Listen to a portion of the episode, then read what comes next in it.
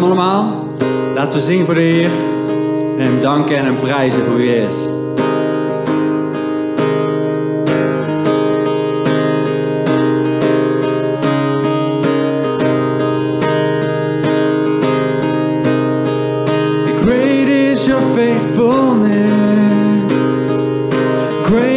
your faithfulness. You never change.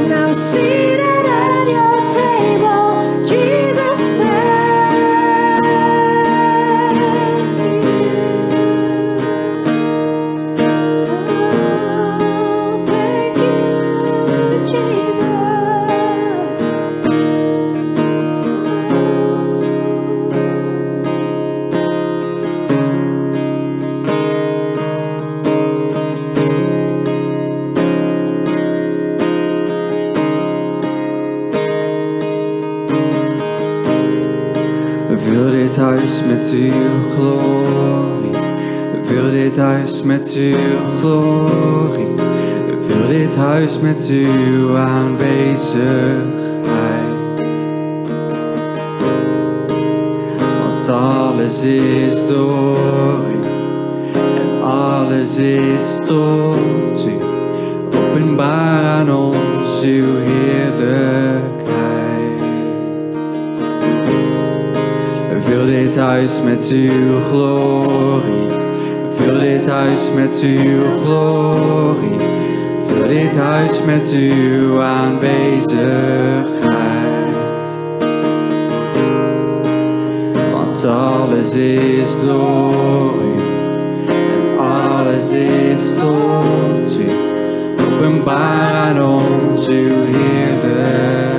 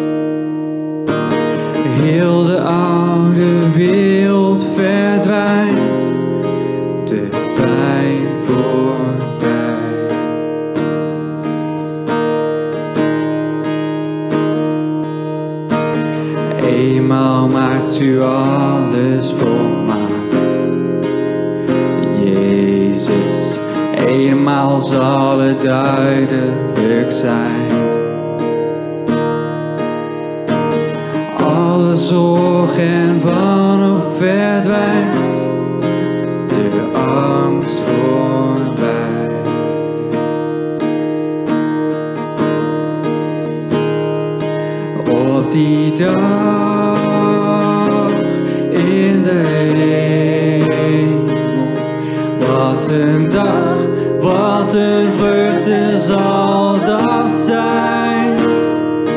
Dan zijn wij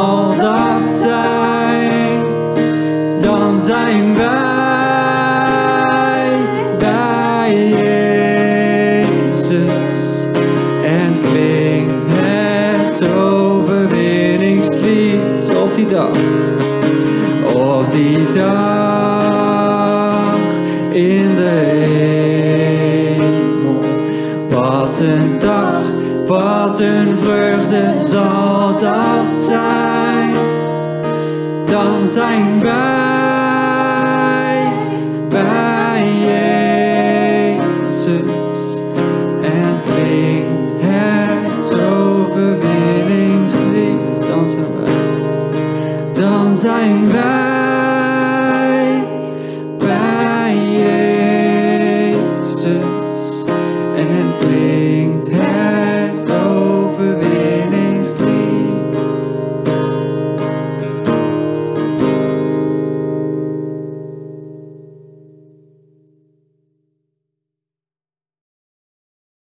Zo, goedemorgen allemaal. Van welkom bij deze online eh, dienst weer. Ehm, nou, wij eh, zijn dus alweer een tijdje online en eh, we gaan vandaag weer hebben over de geestelijke wapenrusting, de wapenrusting aandoen. Ja, we leven in bijzondere tijden. Het is ja, toch wel bijzonder om zo dienst te hebben, maar ik, ik heb er ook van genoten dat vorige keer met gemeenteleden na afloop in eh, Zoom tijd konden hebben om samen te eh, bidden ook voor eh, nou, de zaak waar we normaal ook voor bidden. En als er nog andere kijkers zijn die meekijken of achteraf meekijken, ja, dan je bent van harte uitgenodigd. Op zondag na onze dienst gaan we komen in Zoom samen om te bidden en daar wil ik jullie ook voor uitnodigen. Maar voordat ik ga beginnen met de preek, wil ik in ieder geval eerst nog beginnen met gebed. Hemelse Vader, Heer Jezus, dank u wel voor deze dag, Heer. Dank u wel, Heer, dat we u groot mogen maken. Zo door muziek, ook door gebed willen we u aanbidden, u verheerlijken, uw naam prijzen. Heer, heilig is uw naam, almachtig Heer, en eh, alle glorie is aan u. Heer, wilt u eh, onze harten en ons verstand openen wanneer we gaan kijken naar uw woord, naar de preek over de helm van de zaligheid. Heer, wilt u ons leren wat dat inhoudt, wat dat betekent en dat we het ook mogen toepassen. En Vader, Heer Jezus, wil u sowieso danken voor de redding. Danken voor ja, dat u ons gekocht hebt met uw bloed, uw kostbare bloed. Dat u daar aan het kruis verbrijzeld bent, Heer Jezus, Heer. We prijzen u grote en almachtige naam en danken u voor dit eeuwige offer, waardoor wij eeuwig leven ontvangen en voor altijd vanaf nu al in uw aanwezigheid mogen zijn. Daar dank u zo enorm voor, Heer. Jezus' naam. Amen. Oké, nou ja, de titel verklapt het al. Ik heb het al gezegd. We gaan het vandaag hebben over de wapenrusting. En uh, volgens mij is het al het achtste deel. Hè. We zijn elk, onderdeel op zich zijn we aan het uh, behandelen. En uh, vandaag gaan we het hebben over de helm. En voordat ik het daarover wil hebben, ik vind het wel mooi als je het, het eind van de Bijbel leest, Openbaring 20. Daar zie je al wie gaat overwinnen. Dan zie je dat Satan en zijn handlangers die worden geworpen in de pool van vuur. Hij kwam dit plaatje tegen dat zegt: Hey Satan, we read the back of the book and guess what? You lose.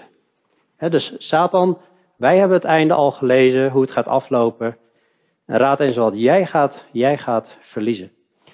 Je hoort ook wel eens mensen die zeggen, when Satan reminds you of your past, remind him of your future. Als hij je herinnert aan je verleden, herinner hem dan aan zijn toekomst. Wij staan aan de overwinnende kant.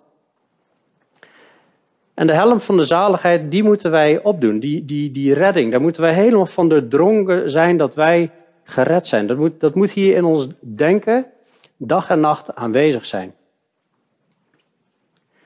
Als we denken aan een helm, dan snapt iedereen dat dat gaat om, dat zet je op om je hoofd te beschermen, om je hersens te beschermen. En ik denk dat, dat, dat ieder mens hier op aarde, of je nou gelovig bent of ongelovig, dat we allemaal onder de indruk zijn van de hersenen. Dat, dat, dat is gewoon eigenlijk een bijzondere, als ik het zo mag noemen, een bijzondere machine. Zeer complex. Het is, het is als, een, als een complexe computer. Maar in geestelijk opzicht is het ook super belangrijk. Want de strijd, de strijd tussen duisternis en licht, dat gaat om je denken, gaat om je hart. dat moet allemaal beschermd worden. We hebben het er al kort over gehad bij het borstharnas, maar ook bij het schild van het geloof, dat we beschermd moeten worden. En er komt in de wereld, er komt zoveel binnen door onze ogen, door onze oren. En continu moeten wij hier terug naar Gods woord. We moeten de helm van de zaligheid continu op hebben en daarvan doordrongen zijn, van de redding. Dus daar gaat het vandaag ook over, dat we weer doordrongen zijn van de, de redding. Wat betekent zaligheid? Hè? De helm van de zaligheid. Dat staat in ieder geval in de herziene statenvertaling. Neem de helm van de zaligheid. En dat is weer gebiedende wijs. Net zoals het gebiedende wijs is dat we in vers 11 bekleed je met de hele wapenrusting van God. Opdat je stand kunt houden tegen de listige verleiding. Neem de hele wapenrusting van God aan. Houd dan stand. Dat zijn allemaal geboden. Het is niet vrijblijvend als wij Christus volgen. Of je nou wel of niet de wapenrusting aan mag doen. Het wordt geboden. Als jij Jezus volgen, moet je de wapenrusting aandoen. Want je bent een strijder voor de Heer. Een strijder voor Gods koninkrijk. Maar die helm van de zaligheid, de zaligheid, volgens Van Dalen, die noemt, die noemt dat het eeuwige hel deelachtig en van het verderf gered. Volgens mij is dat een, een prima, een prima vertaling, of een prima uh, betekenis van, van het woord die overeenstemt met Gods woord. Als je kijkt naar de Strong Concordance, uh, nou, heel veel hebben zo'n zo'n app en dan kun je dan op de Griekse grondtekst drukken, klikken en dan staat er in de grondtekst het woord soterion en het wordt in het Engels vertaald als salvation. Dat betekent gewoon redding.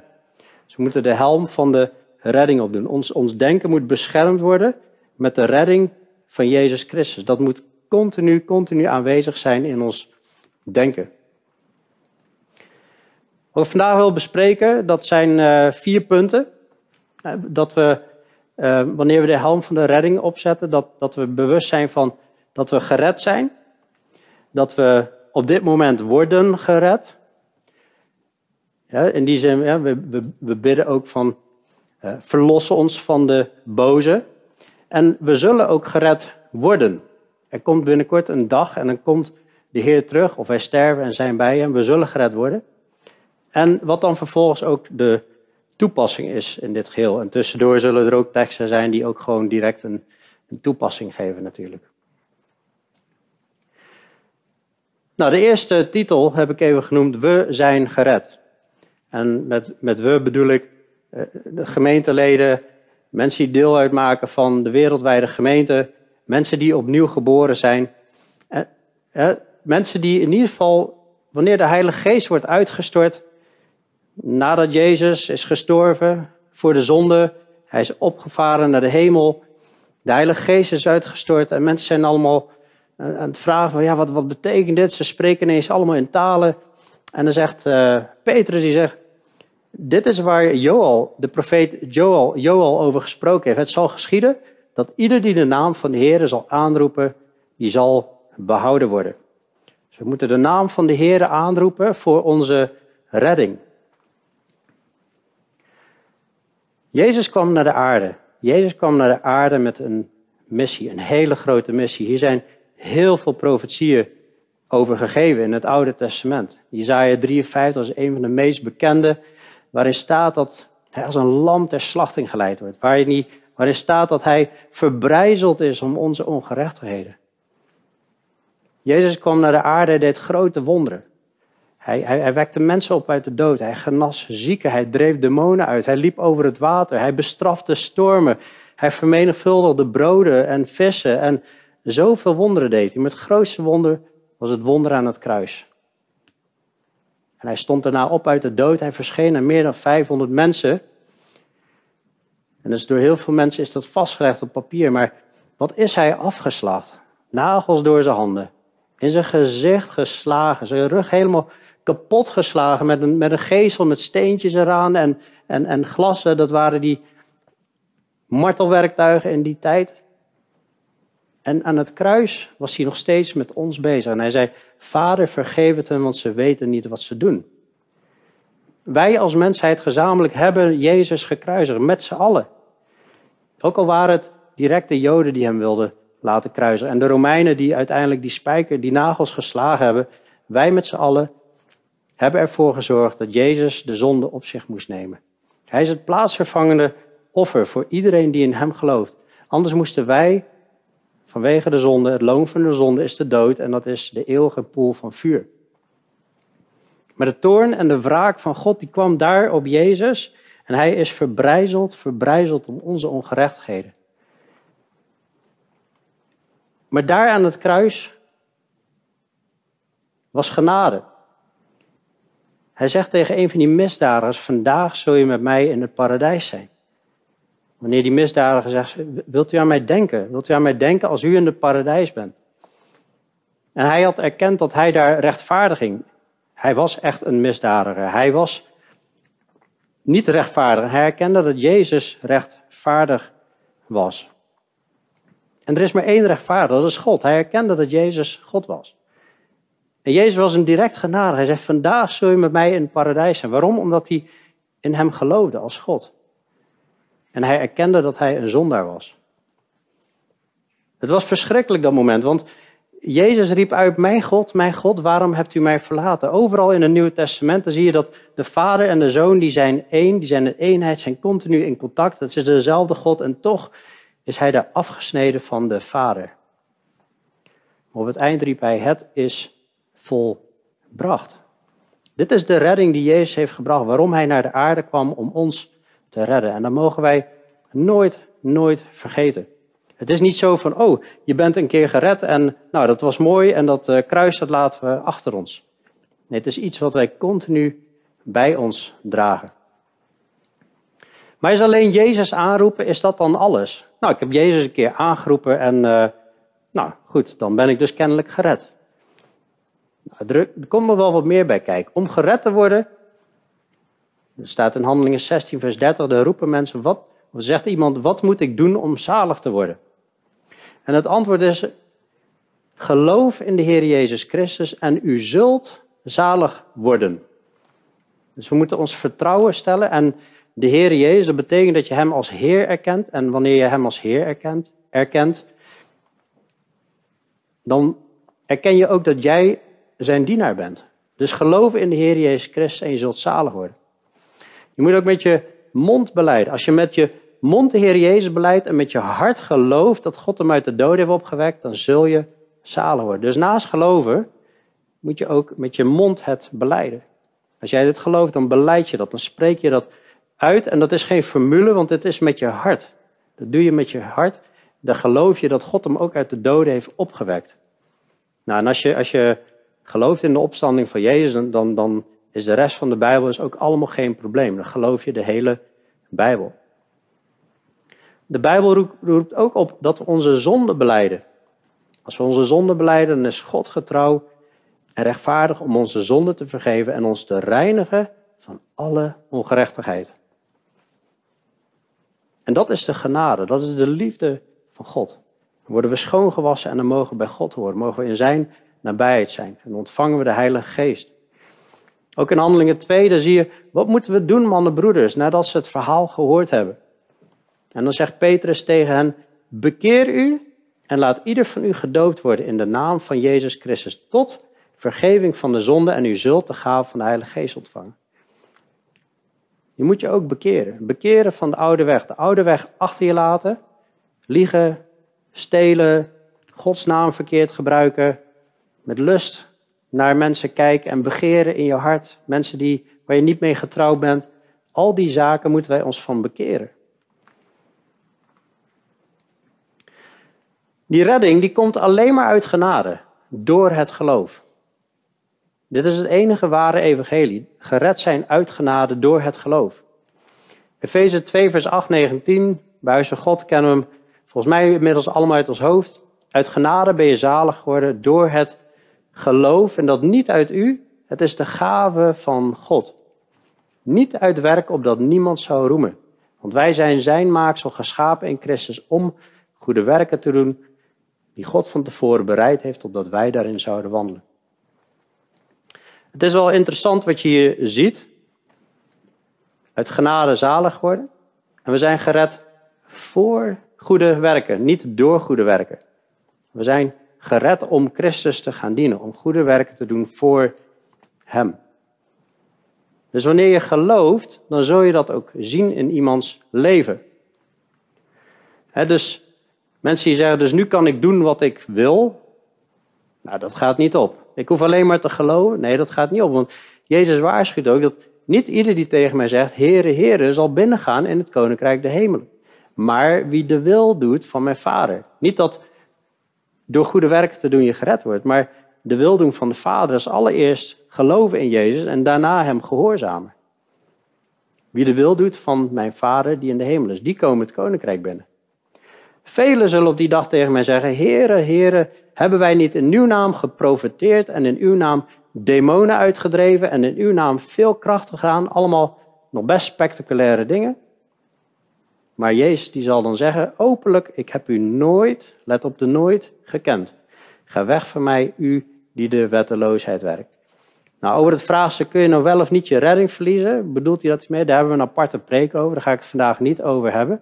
Die vind je op ons YouTube-kanaal, dus die, uh, daar ga ik daar uitgebreid op uh, in. Maar dit is schrikbarend. Dat er toch mensen zijn die denken gered te zijn, maar uiteindelijk niet gered zijn. Omdat ze helemaal niet geïnteresseerd zijn in het woord van God. Ze zijn werkers van de wetteloosheid. Gaan gewoon door met hun eigen leven. Jacobus 2 die legt ook uit dat zoals het lichaam zonder geest dood is, zo is ook het geloof zonder de werken dood. Hij legt uit dat zelfs demonen, die geloven ook in God. Maar die, maar die sidderen. Dus geloven zonder werken is dood. Het allereerste wat Jezus predikt, wanneer hij zijn prediking begint, in Matthäus 4, vers 17, dan staat vanaf toen begon Jezus te prediken en te zeggen, bekeer u, want het koninkrijk der hemelen is nabijgekomen. Dat is het allereerste wat Jezus zegt. Daarna legt hij spreekt hij over het evangelie. In handelingen 3 staat, kom dus tot inkeer en bekeer u. Opdat uw zonden uitgewist worden en er tijden van verkwikking zullen komen van het aangezicht van de Heer. De Heer wil ons zegenen, hij wil ons vullen met zijn geest en de vrucht van de geest is liefde, is blijdschap, is vrede. Dat wat de wereld eigenlijk mist en waar de wereld naar op zoek is, dat is, dat is wat God kan geven.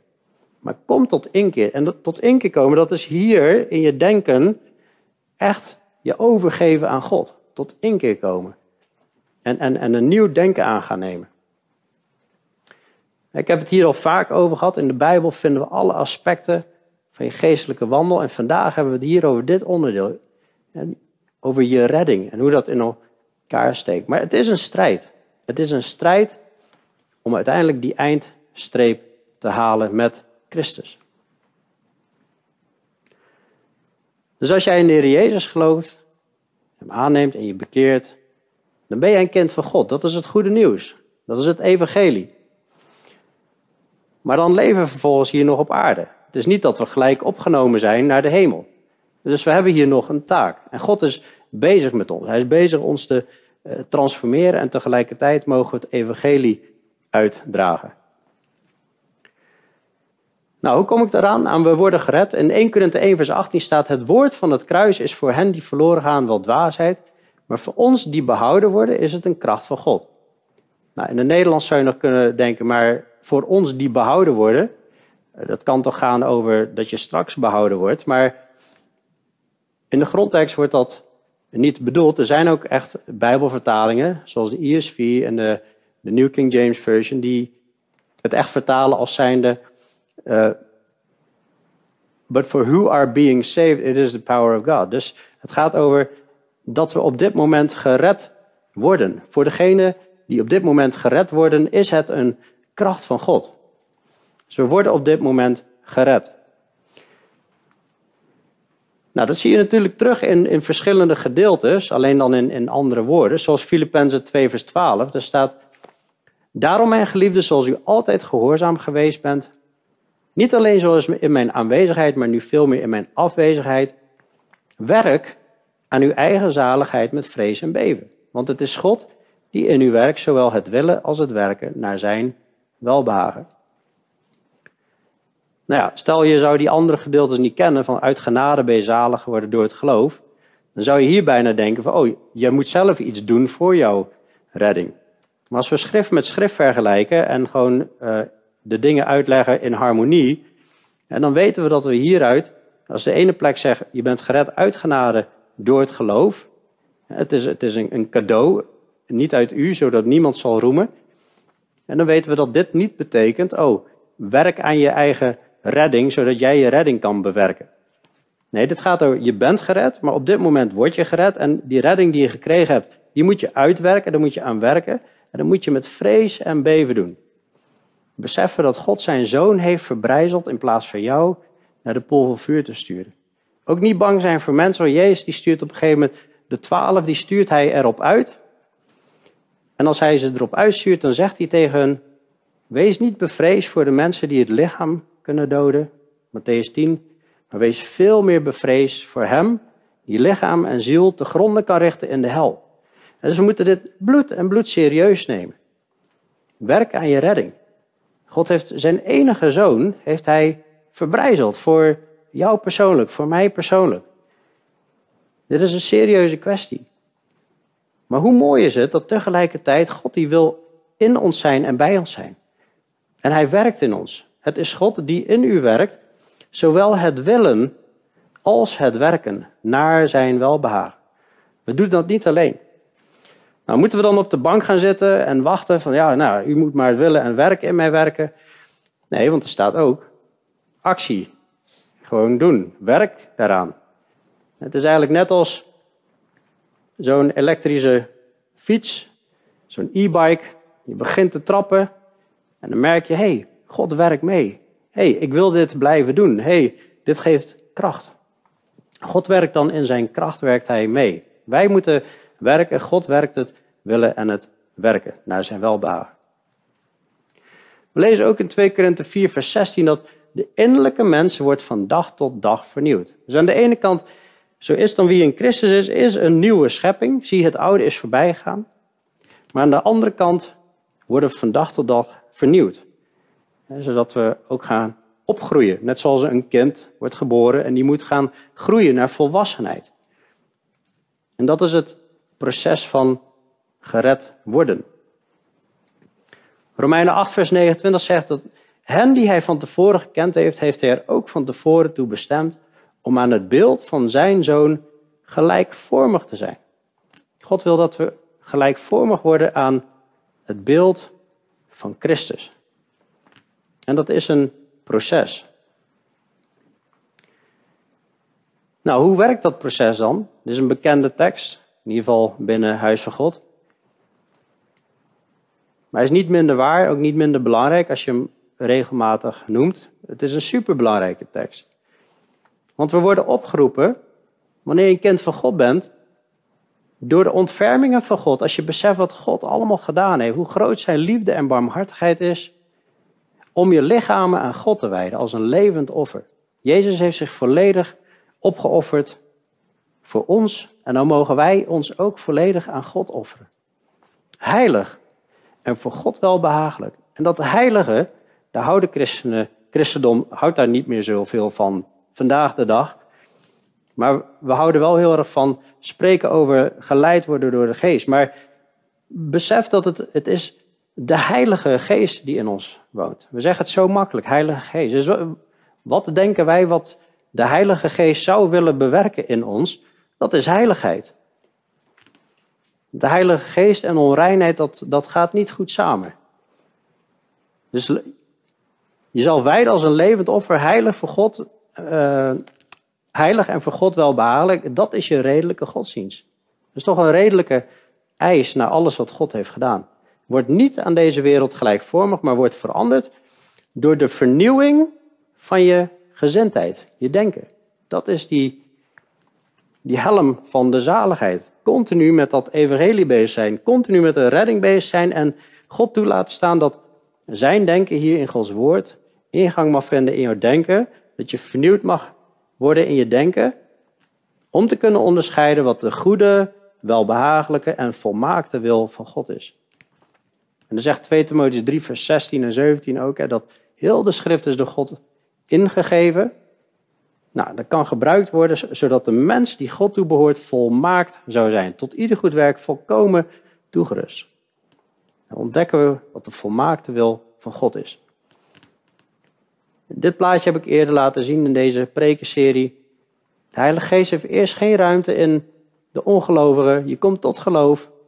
En dan moet de Heilige Geest steeds meer ruimte krijgen, zodat ons denken steeds meer veranderd wordt, gelijkvormig aan het beeld van zijn zoon. Dit is Jezus en wij moeten op hem gaan lijken. Die ik, die moet continu, continu verder, verder afsterven. En dat is dat proces van dat we gered en verlost worden. Nou, Efeze 4 en 5 hebben we het recentelijk over gehad. Dat gaat daar onder andere over. En gelukkig heeft God ons ook iets gegeven. Dat is het, het avondmaal. En het avondmaal is een moment zodat wij echt erbij stil kunnen staan wat Jezus gedaan heeft. Doe dit tot mijn gedachtenis, zodat ons denken continu herinnerd wordt aan het werk van de Heer Jezus. Zodat we die, die helm eigenlijk continu op ons, op ons onze gedachten hebben wat Jezus heeft gedaan. Dat zijn bloed vergoten is en dat zijn lichaam gebroken is. Dat heeft Jezus gegeven zodat we niet vergeten. Doe dit totdat ik kom. En het mooiste is dat op een dag die strijd, die gaat niet voor eeuwig door. Het is soms zwaar hier op aarde. Het is soms moeilijk om vol te houden. Er zijn allemaal omstandigheden, allemaal moeilijke situaties. Maar op een dag, dan stopt het. Of Jezus komt terug, of onze adem stopt en we zijn direct in het paradijs. Maar op een dag is alles wordt nieuw. Dan zijn we bij de Heer. Hij zal ons redden, dat is een belofte. En zoveel profetieën zijn al in vervulling gegaan. En deze zal ook in vervulling gaan. God is een trouwe God en hij doet wat hij zegt.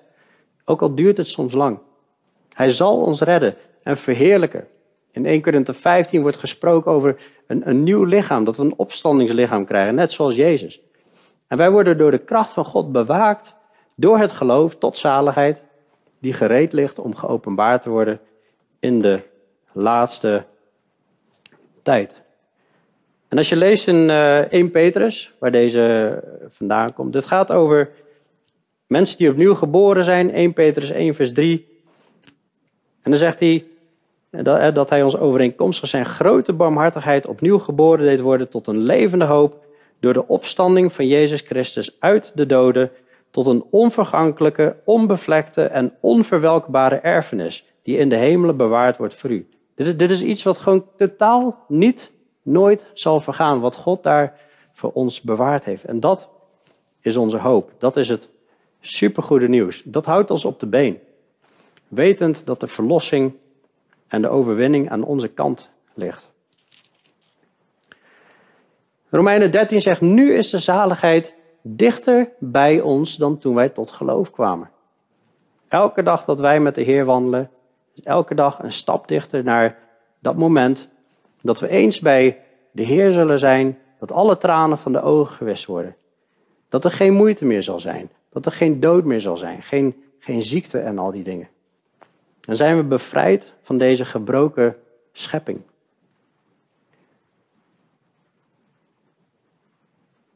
Paulus zegt ook dat hij erop vertrouwt. Hij, hij, hij heeft er echt vertrouwen in.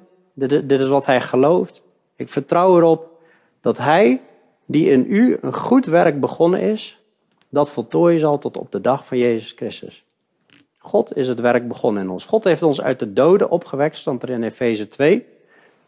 We waren eerst kinderen van de ongehoorzaamheid. De geest van Satan die was actief in ons. Maar toen zijn we opnieuw geboren, tot leven gekomen. En dat, dat werk is God begonnen. En dat zal hij voltooien tot op de dag van Christus. Dus ja, hij heeft ons gered. Dat is de wedergeboorte. Uit genade ben je gered door het geloof. Hij is ons aan het redden, hij is ons aan het heiligen. Die innerlijke mens wordt van dag tot dag vernieuwd. En dan moeten wij aan werken, aan die zaligheid. Maar hij zal ons ook redden. Dat is die verheerlijking. Door de kracht van God bewaakt door het geloof tot zaligheid.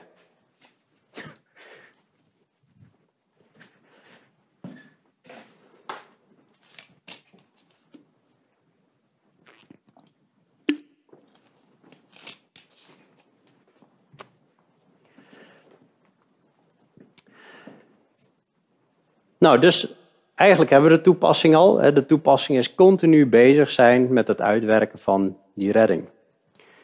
En tegelijkertijd wil ik nog wel aan wat meer dingen denken. Ik zei al, ons, ons denken wordt continu aangevallen. Ik heb al eerder uitleg gehad over hoe onze gedachten verweven zitten in ons hart, zeg maar. En er zijn meerdere gedeeltes die daarover gaan. Maar eigenlijk dat denken, dat stuurt alles aan. En als we die helm van die zaligheid niet op hebben, als wij niet doordrongen en bewust zijn continu van het werk van God, wat Hij voor ons gedaan heeft en wat Hij wil dat wij doorgeven aan anderen, dan komen die voeten niet in beweging. Want ons denken stuurt onze voeten aan. Ons denken stuurt ook ons hart aan. Met, met ons denken kunnen wij ons hart aansturen. Dan gaat dat schild van geloof gaat ook niet omhoog. Als wij ons denken niet doordrenkt hebben met het evangelie en, en met de boodschap van God. En zwaard van de geest, daar moeten we het volgende week nog op hebben. Daar kan ik eigenlijk niet op wachten, want ik heb heel veel gedeeltes achter moeten houden om niet alvast die hele preek te gaan verklappen. Maar nee, dus het zwaard van de geest, dat is eigenlijk het mooiste wapen. Maar goed, je hebt ze allemaal nodig om stand te kunnen houden. Dus als ons denken niet op orde is, als wij ons mee laten slepen met filosofieën, met allemaal politieke ideologieën, met uh, zogenaamde wetenschap over de evolutietheorie, over bepaalde psychologie, over uh, noem het maar op.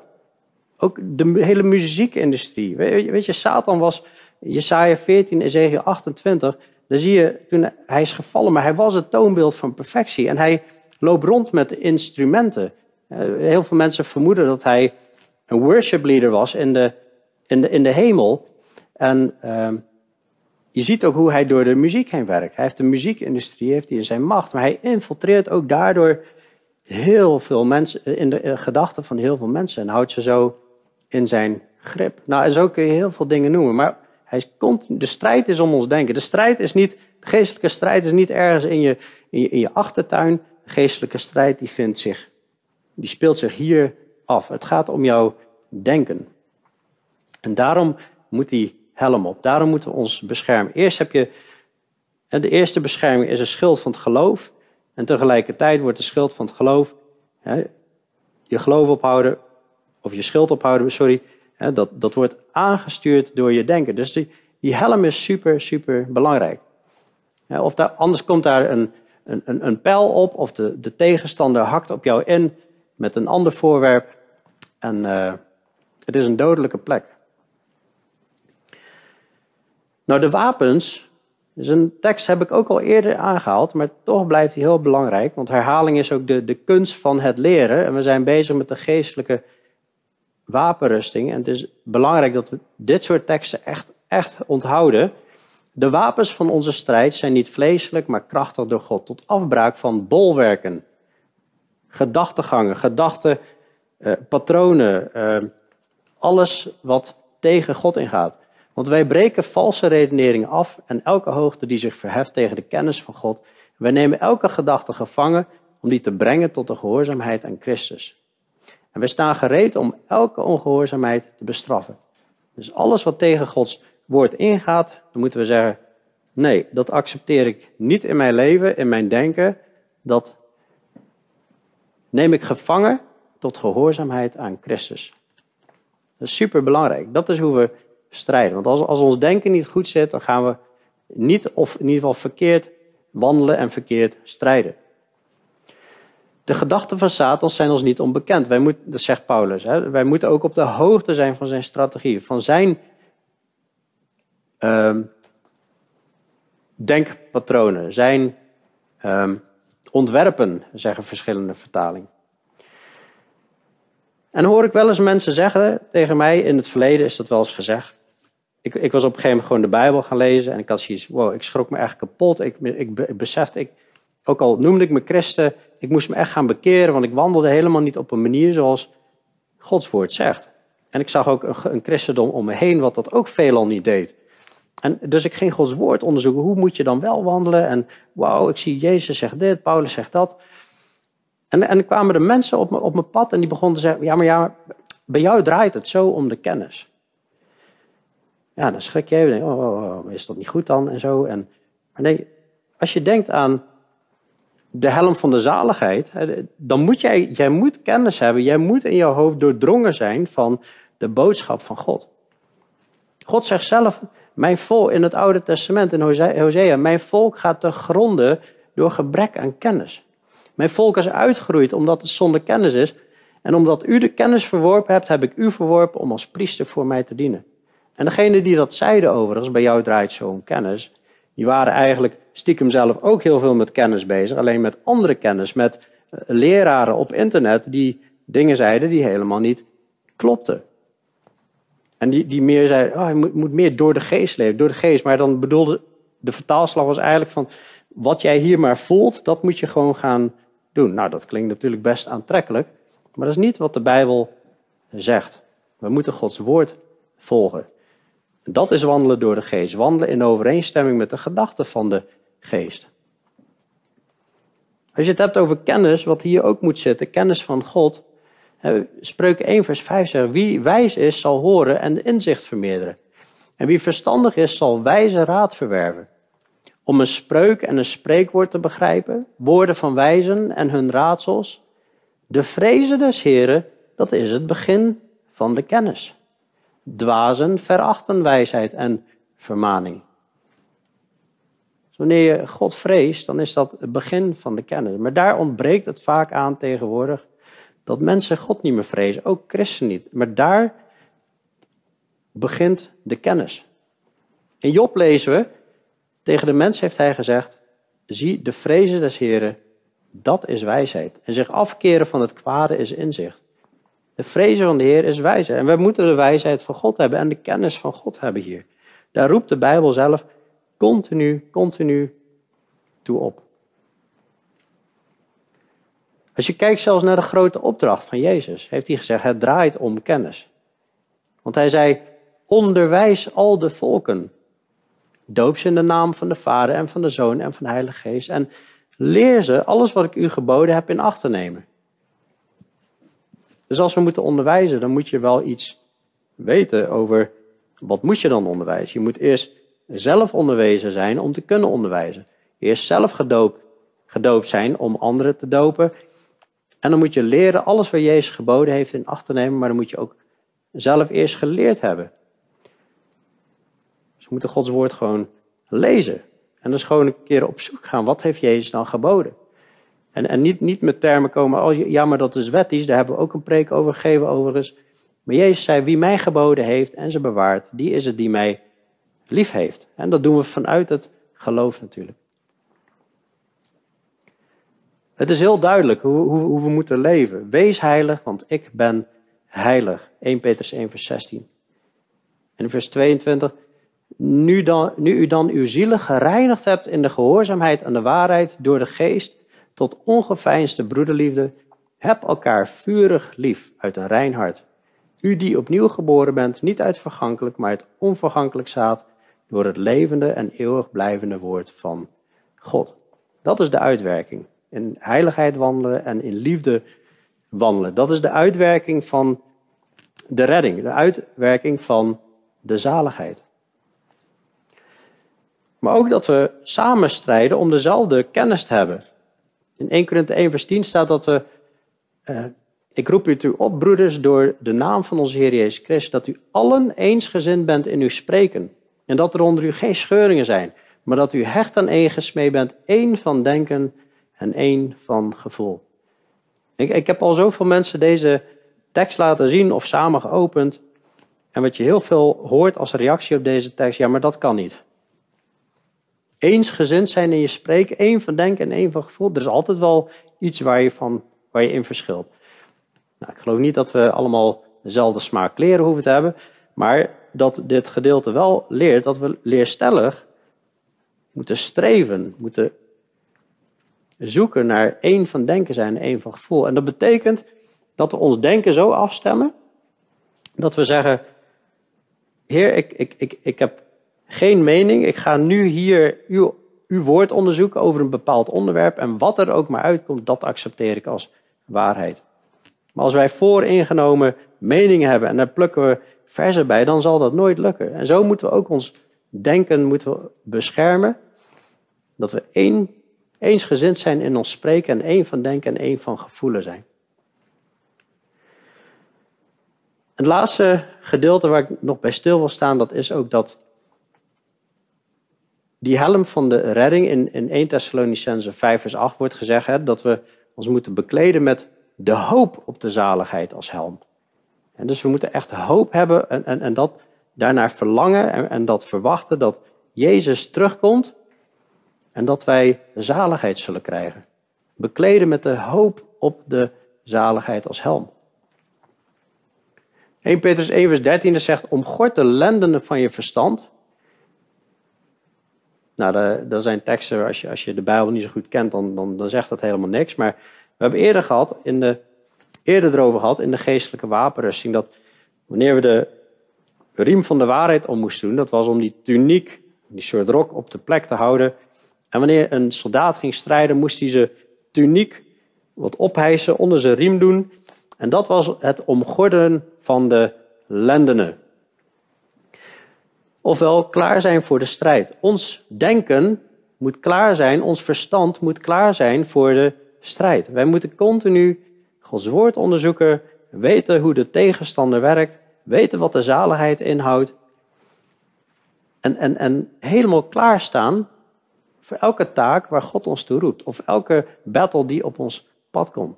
Wees nuchter en hoop volkomen op de genade die u gebracht wordt in de openbaring van Jezus Christus. Hoop volkomen op de genade die u gebracht wordt in de openbaring van Jezus Christus. Jezus komt binnenkort.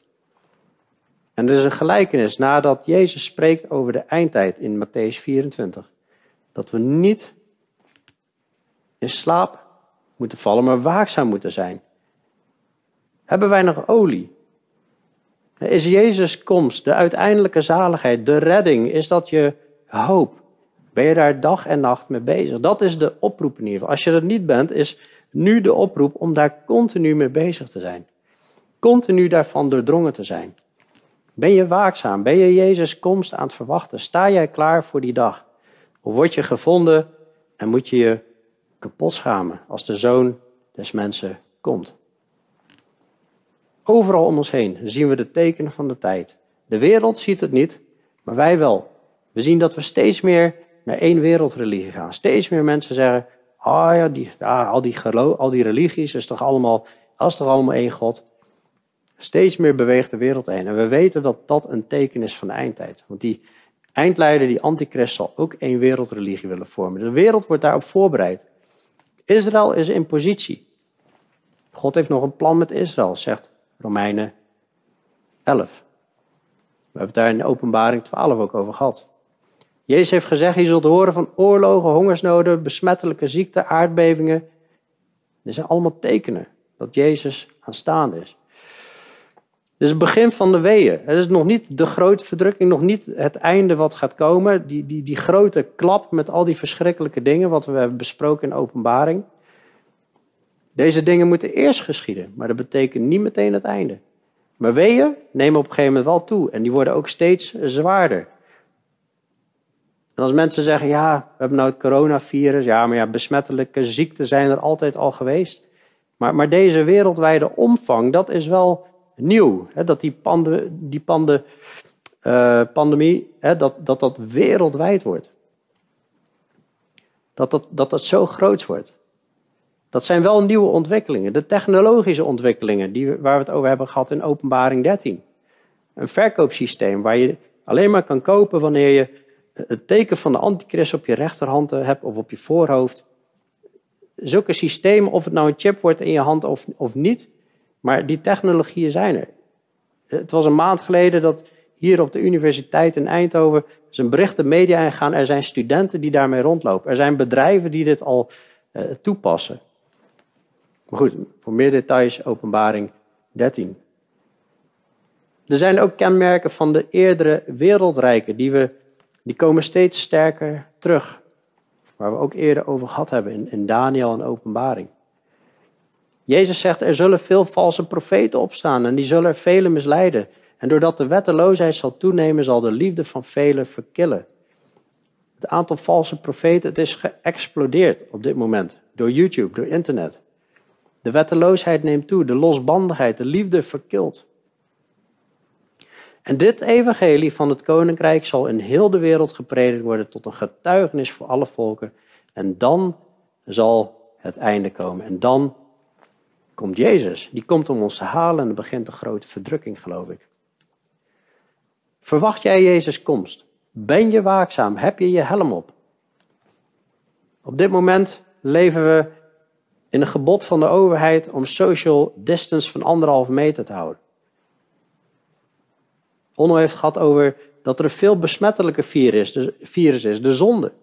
Maar hoe is onze afstand tot de zonde? Hebben wij, zijn wij daar ook bang voor om daarmee besmet te worden? Ben je close met de Heer of heb je ook een social distance met de Heer? Die helm van de zaligheid is belangrijk om daarin te wandelen. Dat houdt ons heel erg dicht bij de Heer. In openbaring 22, vers 20 zei, zei Jezus, die van deze dingen getuigt wanneer het gaat over het einde, die zegt, ja, ik kom spoedig. De reactie daarop mag zijn, amen. Ja, kom Heer Jezus. En de genade van onze Heer Jezus Christus zijn met u allen. Amen. Hemels Vader, Heer Jezus, Heer, We danken u voor al die beloften dat u binnenkort gaat terugkomen. En dat we om ons heen zien dat het einde nabij is. Heer, en dat we mogen weten vanuit deze boodschap over de helm van de zaligheid, Heer, dat we gered zijn, dat we worden gered, maar één dag ook volledig verlost worden. Dank u wel daarvoor, Heer. Wilt u ons helpen om daarvan doordrongen te zijn en dat onze relatie met u ook, ook zichtbaar wordt in ons leven. En dat we daar volledig voor gaan. Wilt u ons die kracht geven, het willen en het werken in ons werken? Heer, wilt u ook uh, ja, onze ogen gericht houden op u en beseffen dat dit het enige is wat er telt. Vooral in de tijd waar, waarin we zien dat er alle zekerheden om, om het vallen zijn. We danken u, Heer, dat, dat dat deze boodschap van redding, dat dat voor altijd blijft staan. Wilt u ons denken daarvoor beschermen, Heer, dat we niet weggetrokken worden naar allerlei verkeerde afleidingen. Dat bidden we zo. In Jezus' naam. Amen. Oké, we gaan zo uh, verder met uh, mensen van Huis van God op, uh, op Zoom. Wil je daar ook een keer meedoen en meedoen met gebed? Dan ben je van harte welkom.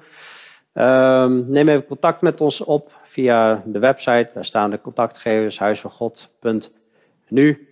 En voor nu een gezegende dag verder allemaal.